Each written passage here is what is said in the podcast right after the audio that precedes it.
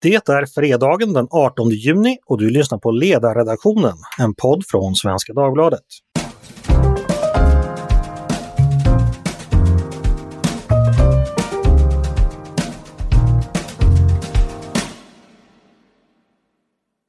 Varmt välkomna ska ni vara denna varma dag till en stunds, stunds poddsvalka med Svenska Dagbladets ledarredaktion. Jag heter Andreas Eriksson och med mig i hettan har jag ett friskt och vågat urval av ledarredaktionens medarbetare, som till exempel Mattias Svensson. Välkommen hit Mattias! Tack så mycket! Hur har du det i regeringskaoset? Eh, ja, jag gick till jobbet precis som vanligt kan man tänka sig. Eh, jag, jag, överlever. Ska, kan man kalla sig regeringskaosöverlevare kanske? Det är väl för tidigt att säga än, för det här är inte slut än. Nej, det är klart. Det är klart. Och så har vi med oss en eh, debutant faktiskt i podden, eh, vår praktikant Celicia Svärd. Välkommen hit eh, Celicia! Tack så mycket, tack! Hur känns det att vara med i podden? Det är roligt faktiskt. Jag har ju eh, väntat nu någon vecka på att få debutera. Så att... mm. Har du märkt av regeringskaoset eller verkar allting fungera i din, i din närhet? Ja, eh, med tanke på att jag är så isolerad till lägenheten så är väl allt precis som vanligt skulle jag säga. Mm. Regeringskaoset har inte nått över tröskeln än. Precis, men, precis. men det kanske ni har gjort hos vår politiska chefredaktör Tove Livendal som är baserad på Gotland. Välkommen Tove! Hur är läget hos dig?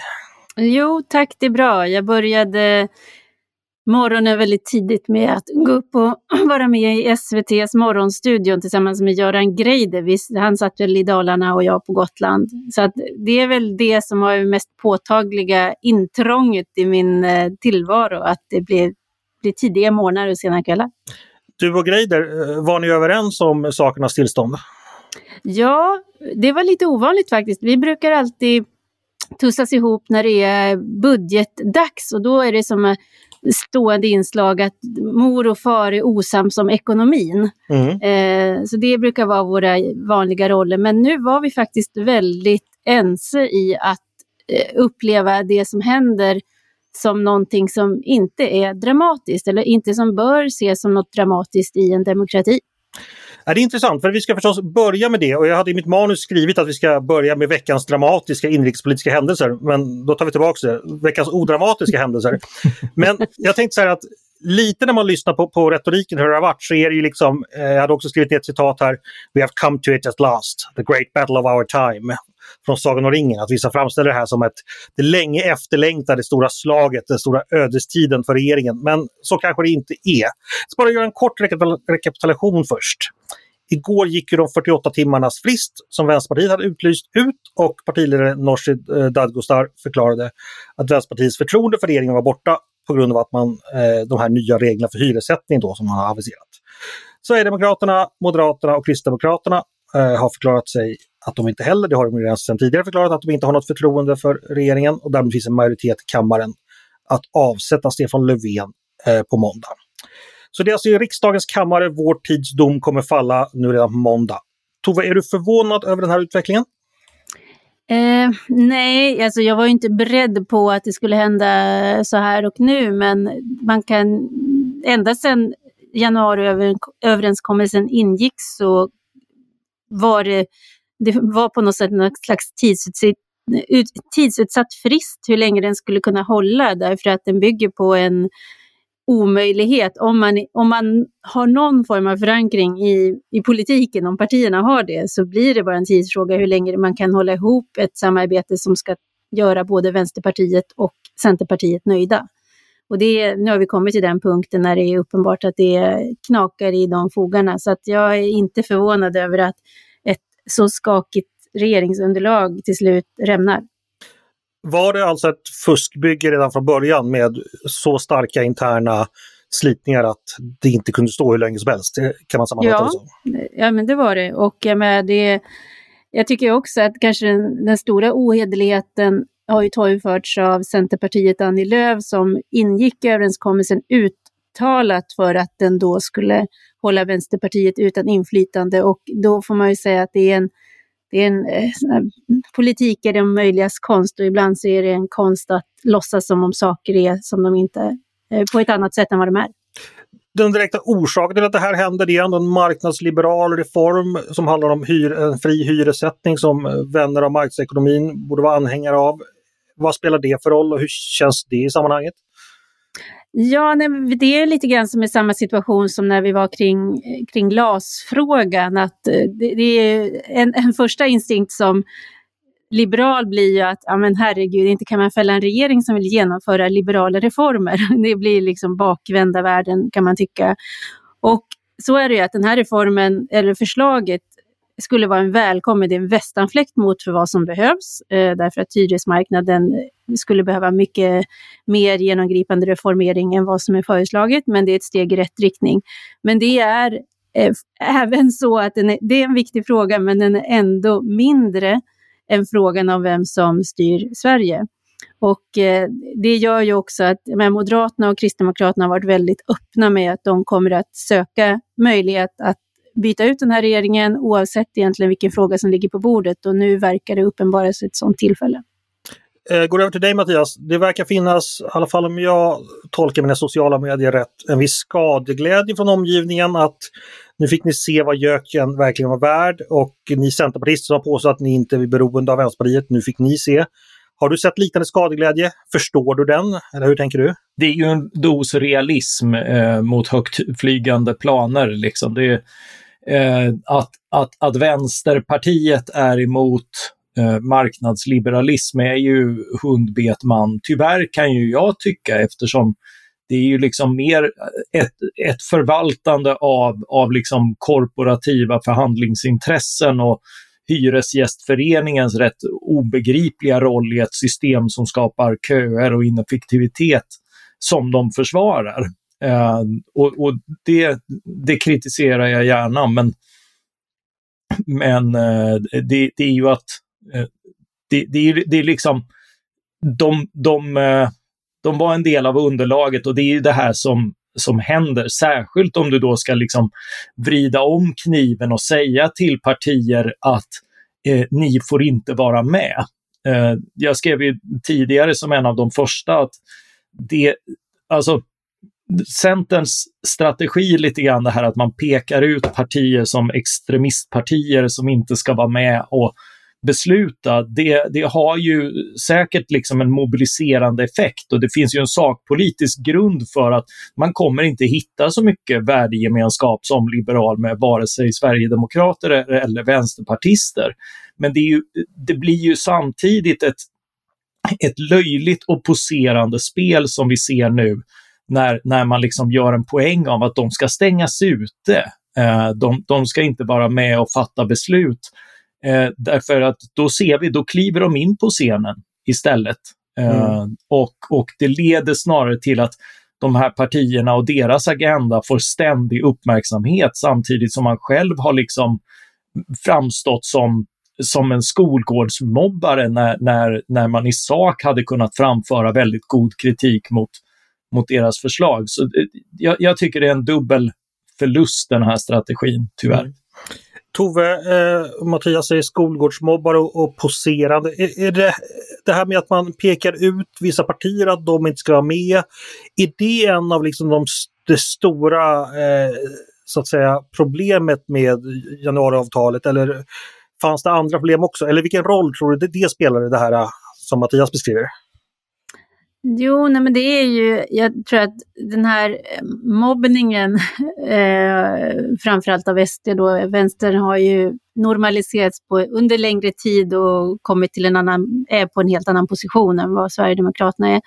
Men den har ju framförallt gynnat dem opinionsmässigt. Det har ju fortsatt ge dem eh, mer, tror jag, sympati från många väljare som eh, inte vare sig känner igen sig som rasister eller som eh, egentligen tycker att det där är ett fantastiskt parti men som, som tycker det är illa att andra partier inte kan bete sig på ett bättre sätt. Eh, och där har ju Stefan Löfven bjudit på saker genom att in, liksom, bjuda in alla till frågor om hur man ska lösa kriminaliteten och brottslighet, gängbrottsligheten, utom då Sverigedemokraterna. Och det är bara att fortsätta att ge dem mer av martyrskap. Eh, och det, det, det fanns ju där som grund för varför januariöverenskommelsen ingicks. Eh, så den, den, eh, den problematiken finns där. Och sen är det ju så att eh, partierna ser olika på närvaron och framväxten av SD och jag tvivlar inte på att det finns en ärlig, att det är ärligt att den frågan blir så överordnad de andra från mm. Centerpartiets del. Eh, vi ska titta lite framåt. Nu ägnar sig regeringen, tror jag, jag vet inte, men att försöka hitta en väg framåt som kanske kan göra Vänsterpartiet eh, mer vänligt inställda samtidigt som Centerpartiet inte betraktar det som att januariöverenskommelsen bryts. Finns det en sån väg tror du Tove och hur skulle den kunna se ut? Eller är alla försök till kompromisser uttömda? Nej, man ska ju aldrig säga aldrig och eh, det är ju så att eh, Centerpartiet vill ju inte att den här regeringen ersätts av en, eh, ja, en regering mer högerut. Så det, det är väl, frågan ligger ju nu i Centerpartiets knä egentligen.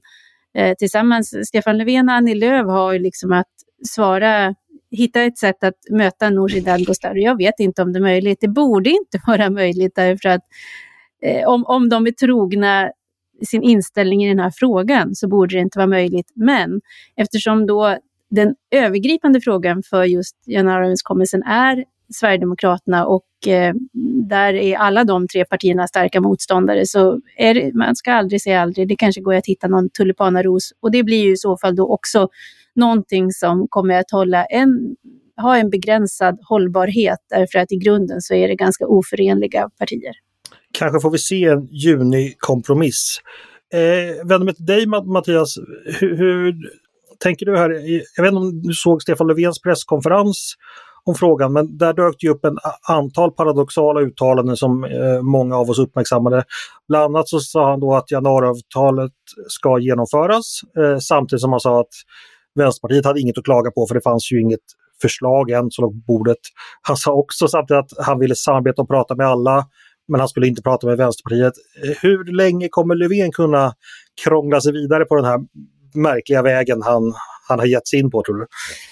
Ja, alltså det var, det var ju en, eh, en uppvisning i socialdemokratisk självbild.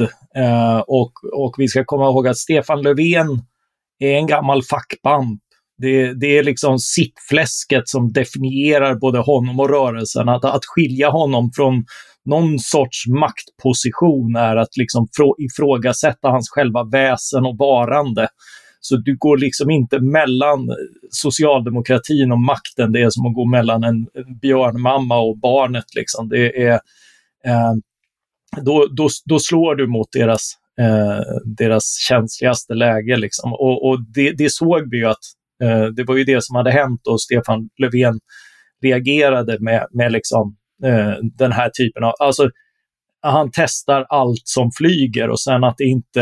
Eh, all, all, allt, allt som man kan kastar han på sina meningsmotståndare nu och sen om det, det hänger ihop eller, eller sant eller inte, eller om någon utanför Aftonbladets ledarredaktion tror på det och 68 det, det är liksom mindre, mindre relevant, men det är så socialdemokrater agerar när, när det ser ut som att de kan behöva skiljas från, från makten. Vi får se hur mamma Björn klarar det här. Eh, jag, jag drar mig till minnes någonting som Kerstin Ekman har skrivit om moderskärleken och den enorma kraften som ligger där i. Så det är möjligt då att socialdemokratins moderkärlek till, till makten kan överträffa det mesta. Hörde, jag läste någonstans att KD öppnat för att diskutera med Vänsterpartiet och lova uteblivna ändringar i hyressättningssystemet samt satsa på äldreomsorgen i någon slags utbyte mot stöd för en, en ny regering om jag förstod saken rätt. Eh, Tove, jag vet inte om du har hört samma sak, men hur realistiskt låter det? Med risk för att upprepa mig, alltså jag, så är det ju sådär att man... Risken är ju att man sitter och säger någonting här som sen visar sig vara någonting helt annat. Att man får ta tillbaka det. Men eh, jag, jag, jag har svårt att se att det ska vara realistiskt. Jag tycker också att Ebba Busch har blivit mer och mer, vad ska man säga, Eh, eh hennes uttalanden i den här omgången tyder inte på en ökad kompromissvilja utan snarare att liksom, rita sina röda linjer. Eh, så att jag, jag, har svårt att se det. Mm. Sen ska vi komma ihåg att vi har ju också någon form av facit här i form av vad väljarna tycker och om de tycker någonting. Eh, och det får vi ju, dröjer ett tag innan vi får reda på hur de agerar på detta. Eh, har vi något mer att säga om, om eh, regeringskrisen, Mattias? Något ytterligare du vill tillägga? Alltså, alltså frågan är ju om, om det eh, liksom, ska man i detta läge sitta och, eh, och signalera att vi är verkligen beredda att göra allt för att få makten eh, och, och liksom börja, börja sälja ut viktiga reformer för, för att liksom kunna tillträda poster. Eh, jag, jag är ju då både i sak och, och som strategi inte imponerad av, av, av det eventuella agerandet. Men, men så vitt jag vet är det inte bekräftat ännu, eller? Nej, det var bara någonting jag såg. Det är möjligt att jag har, har inbillat mig det till och med. Ni, om inte ni har sett någonting av det så kanske det var jag som... Ja, jag, jag har också sett det påstås, men ja. ingen källa. Okej, okay, då vet vi ingenting om det. Helt obestyrkta uttalanden som vi spekulerar om. Men det är ju alltid kul att spekulera. eh, ja, vad är, det är ju vårt jobb. Precis. Eh, vi ska gå vidare. För världen, tro det eller ej, kretsar ju inte bara kring den för tillfället något esoteriska svenska inrikespolitiken. Ute i världen har eh, president Biden varit i Europa. Han har både träffat Putin eh, första gången som president och han har också träffat de andra stora demokratiernas ledare på G7-möte. Och härifrån har du faktiskt hittat, eh, ja, gjort några positiva spaningar gällande handeln, Mattias. Berätta! Ja, det var ju ett av, eh, eh ett av beskeden från, från Biden att, eh, att eh, EU och USA eh, har som ambition att begrava ett antal, eh, ett antal handelskonflikter och en som har pågått då kring eh, där, där båda, både EU och USA har anklagat den andra för att eh, ösa subventioner över sitt sto sin stora flygplansbyggare Airbus respektive Boeing. Och eh, båda har haft rätt och båda har därför fått rätt av Världshandelsorganisationen att införa strafftullar mot den andra för att motverka det här beteendet. Och, och då har man ju liksom då har man både slösat skattebetalarnas pengar på att, eh, att subventionera stora flygplan och sen eh, och tävlat med varandra i det dessutom eh, och sen eh, tävlat med varandra och införa tullar som också fördyrar för vanligt folk. Så vanligt folk har fått betala mer för konsumentvaror och eh, mer i skatt. Eh, nu, nu gräver man ner det här med att införa straffåtgärder mot andra och så säger man att man ska lösa det här. Eh, och Det är välkommet och att konflikten pågått i 17 år är en påminnelse om att protektionismen som fanns tidigare och, och liksom de här eh, åtgärderna som går emot frihandel, de har pågått mycket längre än, än med Donald Trump. Det, det var liksom, Donald Trump började prata om det och förvärrade en hel del, men, eh, men, men, det var inte där det, det började. Men att det slutar nu och att det sker, eh, för Biden har ju en mycket tvivelaktig ekonomisk politik, alltså som går ut, eh, den är eh, på några sätt ännu mer i retoriken Amerika first och sådär. Men att att han ser ett strategiskt värde i att, att inte bedriva handelskonflikter med andra demokratier är, är därför en välkommen signal. Därför att, dels för att eh, det finns en värdegemenskap och den behöver byggas ut och, eh, och vi kan behöva liksom eh, se eh, vissa handelssanktioner mot Kina, ett, ett auktoritärt styre. Inte, nu har man mest ägnat sig åt att hindra import Eh, av billiga varor. Det är inte så värst eh, strategiskt, men däremot liksom investeringar i infrastruktur, eh, eh, i, i liksom där, där kinesiska företag som ligger nära den kinesiska staten som blivit allt mer aggressiv eh, når samhällskänsliga sektorer och, och får tillgång till övervakningsdata och liknande. Eh, det är ju tilltagande svårt. Eh, men, men just i och med det bort, det frånfallet kommer och det kommer, eh, det kommer att kännas även ekonomiskt, så är det ju ännu viktigare att, att demokratierna integreras mer med varandra, både av ekonomiska skäl men också av ideologiska skäl. Eh, och att då se några som är emot av, eh, av en del skäl ändå samlas kring de här gemensamma värdena i en tid när, när demokratin är hotad och på tillbakagång. Det är lite grann i elfte timmen, men det är ändå väldigt välkommet. Mm. Eh, en sak du sa där som jag fastnade lite på. Har Donald Trump och den tidigare administrationens eh, mist, alltså mist, eh, vad ska man säga, eh, där får jag ta om. en sak jag, jag fastnade på det som du sa. Eh, Donald Trump och den tidigare administrationen talar ju ofta ganska illa om eh, handel och att USA blev utnyttjade i de, eh, på den stor, när det gäller i världshandelssammanhang. Är det lite överdrivet? Är det så att USA oavsett administration har haft lite av den här tveksamheten eh, och att Biden också kanske fin, finns där någonstans också? Eller hur tänker du där?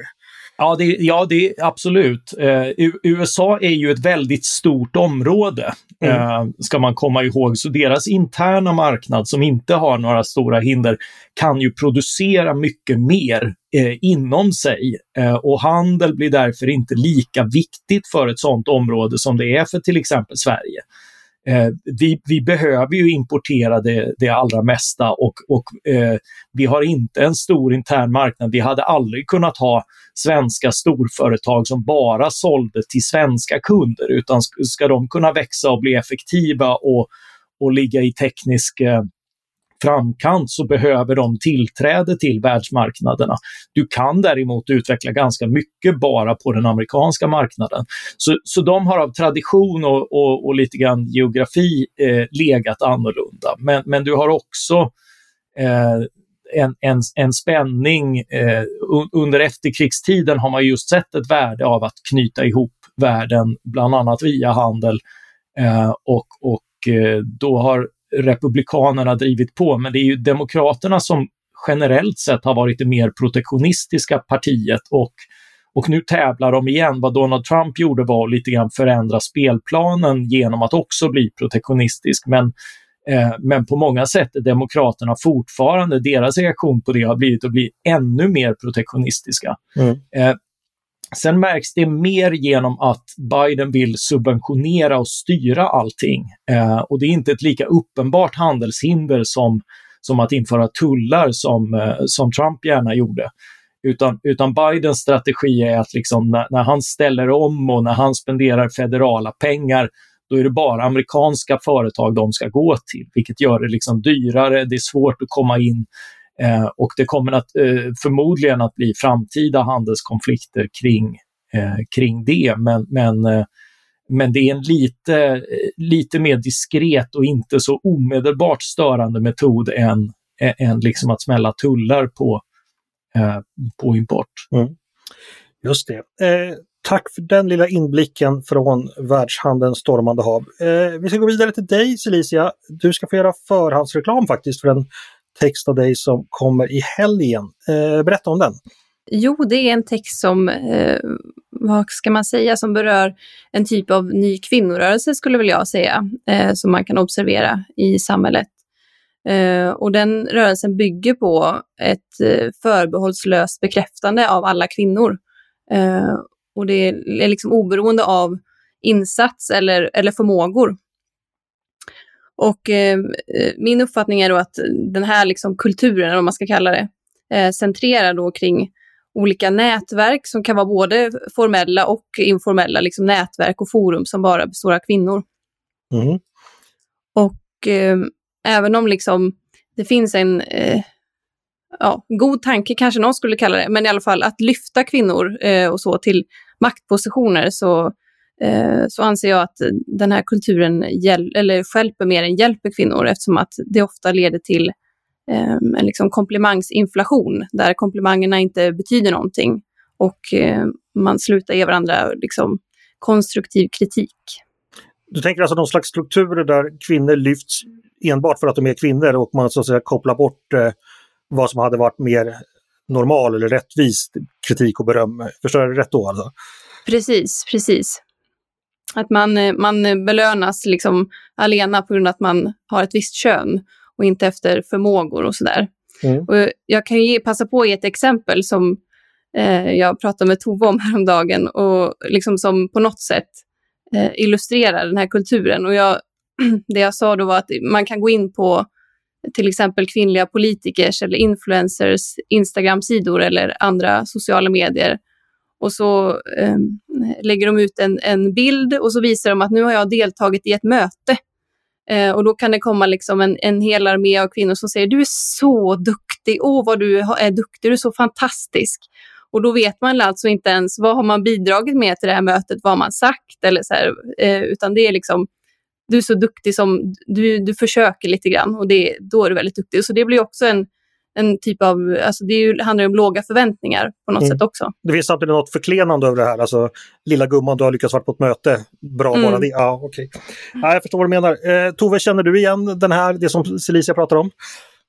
Ja, jo, jag har också sett det och också eh, avböjt ganska många inbjudningar eller till dylika nätverk av, av det skäl som Celicia pekar på. Att det, det finns, jag menar, vi är gruppvarelser, eh, vi människor, och vi söker oss gärna till eh, sammanhang där vi delar intressen och värderingar och allt detta. Eh, men det finns, det blir all, det blir nästan alltid fel när man samlas utifrån att man ska ha någon slags yttre sorteringsfaktor som, som, och att det i sig då ska utgöra en stark drivkraft. Nu är det så att hade, det, hade, hade man haft möjlighet så hade man ju med stolthet förhoppningsvis varit del av suffragetterna som en gång liksom verkligen såg till att bana mark för att vi skulle kunna ha det ändå jämställda samhälle som vi lever i nu. Men vi är inte där nu.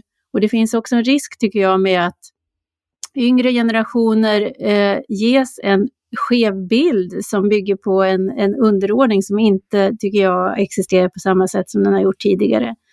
Eh, och jag, har, jag vet, jag blev någon gång inbjuden till ett seminarium som hade titeln Varför kommer inte kvinnor fram? Eh, och då hade jag den position som jag har nu och de andra som skulle tala på det Eh, seminariet var också kvinnor i ledande positioner och då blir det väldigt märkligt att upprätthålla en, en att ens diskutera det. Då blir det snarare frågan hur tog vi oss fram och på vilket sätt? Och då kan jag säga att det är inte genom att ha haft en kör runt omkring eh, som bara säger att allting jag gör är bra, utan tvärtom haft människor som har kunnat ge konstruktiv kritik, säga att det här höll inte måttet, det här funkar inte, det här skulle du behöva jobba med, den här delen hänger inte ihop och det är egentligen lite grann det vi, vi gör med varandras texter varje dag. Eh, och det är en sån gåva att få någonting sånt. Så att jag tycker att det är en jätteviktig text som Celisa skriver därför att den pekar på någonting som där är, där är liksom verkligt eh, eh, välmenande riskerar att bara slå tillbaka och bli en björntjänst. Mm, just det. Eh, och texten den publiceras nu, visst, visst är det nu i helgen den publiceras? Imorgon! Imorgon! Då mm. vet ni vad ni ska läsa imorgon, lördag. Titta, när jag ändå har dig på tråden eh, Celicia så ska jag passa på att fråga dig. Eh, vi har ju haft den här lite informella serien i podden där vi pratar om hur ledarredaktioner fungerar tänkte fråga dig, du har ju varit hos oss som praktikant här en period under våren. Eh, och min fråga är helt enkelt, hur, hur har det varit? Hur är det att komma in på en ledarredaktion, plumsa rakt in i arbetet, vilket du har gjort, liksom varit på alla morgonmöten och följt med i alla diskussioner. Eh, vad hade du för förvänt förväntningar innan och i vilken grad motsvarades de? Ja, först och främst så kan man ju säga att eh, det är ju lite udda med tanke på pandemin. Och det vet nog alla som har hoppat in i något nytt sammanhang eller ett nytt arbete det senaste året, att träffa sina kollegor första gången eh, liksom framför en skärm och man kan inte sträcka fram handen, man kan inte ens titta någon i ögonen och nicka och säga liksom att jag ser dig, utan det är liksom, det, det, blir på något sätt lite anonymt ändå. Mm. Eh, sen förutom det så har det såklart varit, väldigt roligt och jag skulle, jag tänkte på det innan vi satte oss för att podda nu, just på det som Tove sa, att eh, bland det bästa har ju varit det här med att man får så mycket feedback. Mm. Eh, och att det är flera personer som ger feedback också. Det är verkligen det är en lyx. Mm. Vi kan passa på att säga det att de texter som skrivs då läggs ju upp med ett, på, som ett gemensamt dokument där alla får gå in och skriva och kommentera och komma med, med feedback. Så att det eller Celisa, har det varit jobbigt? Har du liksom känt att aj, nu kommer jag ut i hetluften för snabbt? Eller var det något problem? Inte på det sättet att det var liksom jobbigt att få kritik. Det, det jobbiga var väl kanske i början att komma in och liksom inse att okej, okay, men den här personen kanske tycker helt annorlunda än jag. Mm. Eh, och det är väl snarare det som är, jobbigt. Sen mest det som inte gäller liksom åsiktsskillnader, det, det tycker jag också som Tova att det, det, är bara bra. Och sen så ska man inte låtsas att man är någon robot, att man inte tycker att det är jobbigt ibland, för det är mm. klart att det är. Men, men det är ju det som är, liksom, det är, trots, trots det så är det ju värdefullt och det som är långsiktigt mm. eh, bra. Jag kan ju säga att jag, har ju, jag började då den 1 februari i år. Eh, jag har inte träffat Tove eh, eller Mattias eller Peter live. Jag träffade dig Tove senaste gången 2018, 19 kanske någon gång. Mattias... Det gjorde ett outplånligt intryck. ja, eh, Mattias, när träffades du och jag senast fysiskt? Och, ja, det, var, det kan nog vara lika länge sedan. Var det inte det när jag var redaktör för din bok och vi träffades och åt lunch på den där Kina-krogen? Och det var, måste ha varit några år sedan också. Ja. ja nej, men alltså, och det intressanta är att man, man tänker ju knappt på det för att sånt sån verkligheten. Men det är klart som Celicia säger, det, det är ju en dimension som går förlorad där. Eh, jag tänkte passa på att dra in dig Tove här också för att eh, Celicia har ju varit praktikant men läsarna har ju fått möta väldigt många andra i, i spalterna då ja, under våren och även längre tillbaka. Att det är mycket folk som kommer och går. Det är folk som jobbar några dagar i veckan bara. En del jobbar bara en viss tid. Eh, och då, det finns också väldigt många fristående medarbetare på ledarsidan. Så att bara på morgonmötena har jag liksom fått stifta bekantskap sen jag började med ett tiotal olika ansikten och det måste väl vara det dubbla eller tredubbla som har figurerat i spalterna. Eh, du vill ha mycket folk på sidan verkar det som. Hur tänker du där? Ja, det är både eh, för läsarnas skull och sen är det en rent egoistisk eh, grej också. Jag tänkte ju att när jag tog mig an det här uppdraget att jag ville göra en ledarsida där jag själv kunde lära mig någonting varje dag av att läsa texterna som publiceras där. Och då, eh, då är en strategi att man rekryterar begåvade medarbetare, men jag har bara tre eh, kollegor som har fasta tjänster. Mm. Och eh, de har jag lärt mig, och de har ju, det har ju bytts ut där också. Eh, folk har gått vidare och sådär. Men eh, det är ändå en, en begränsad skara och sen har vi ett antal fasta kolumnister som är ett dussin ungefär. Eh, och sen har vi då haft eh, vikarier, praktikanter, vi tar in gästskribenter så att ett vanligt år så ligger det ju på en bit över hundra olika röster som, eh, som skriver på ledarsidan i Svenska Dagbladet. Och det är ju dels då därför att eh, vi ska kunna, de som läser ska kunna lära sig någonting.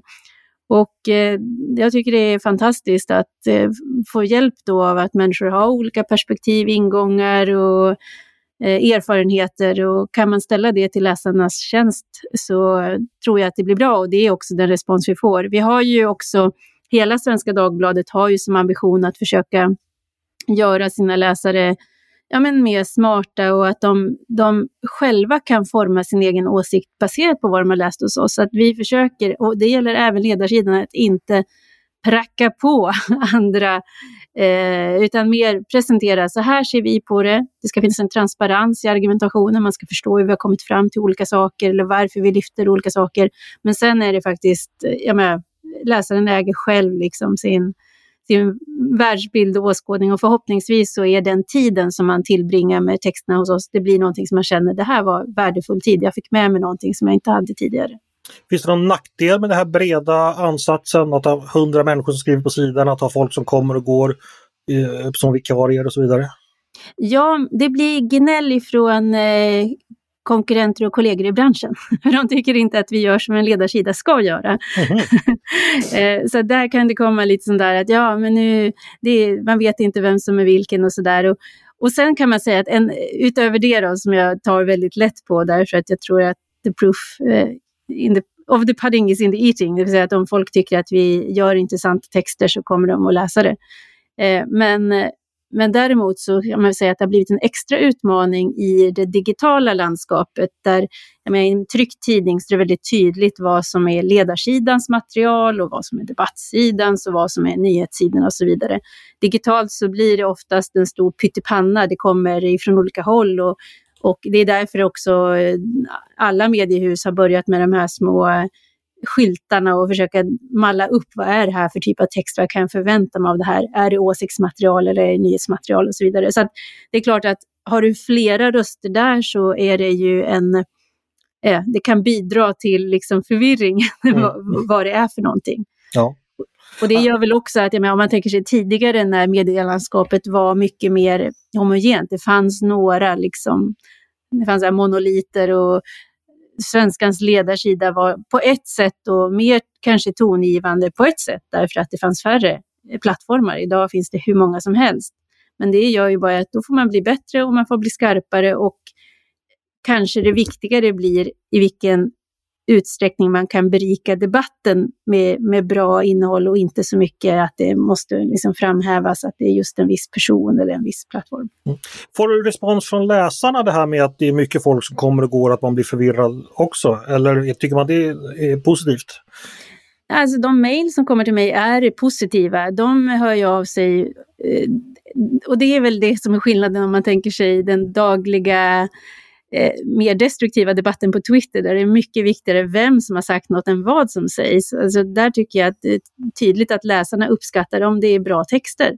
Mm. Och eh, sen i efterhand, det sekundära är vem som har skrivit den. Eh, sen finns det klart att alla är ju personer och nu är vi ju då eftersom vi skriver så allra mest signerat så är det klart att man får relationer till vissa skribenter som man lär sig uppskatta och, eh, och ser kanske särskilt som lite guidande sådär i tillvaron. Så på så sätt så kan det ju vara att du kan få en särskild uppskattning för någon skribent, att någon hör av sig och säger det är väldigt roligt att Mattias Svensson har kommit till sidan, jag uppskattar hans texter och, och den sortens respons. Så att det, eh, det, det, det, den, den dimensionen finns också, men jag tycker att det aldrig får vara så att personen står i vägen för texten, utan att det är liksom innehållet som ska fram. Mm. Tack för det och tack er andra också att ni tog er tid och eh, pratade lite i podden. Tack Mattias och tack Celicia. Eh, och ni där ute ska jag också tacka. Eh, jag ska bara passa på att tipsa om vår, eh, den andra podden på Svenska Dagbladet som heter Dagens Story där du får en, på en kvart varje dag får en fördjupning i ett aktuellt ämne. Eh, men det ni lyssnar på nu heter Ledarredaktionen, eh, en podd från Svenska Dagbladet. Hör gärna av er till redaktionen med tankar och synpunkter på det vi har diskuterat. Exempelvis det som Tove pratade om, det här med att ha många olika röster på ledarsidan. Mejla då ledarsidan snabla svd.se. Eh, också om ni har bra idéer på saker vi borde ta upp i podden i sommar så tas det jättegärna emot också. Med det återstår bara att tacka för idag. Dagens producent har varit Jesper Sandström och jag heter Andreas Eriksson. Jag hoppas att vi hörs snart igen och jag önskar er en trevlig helg.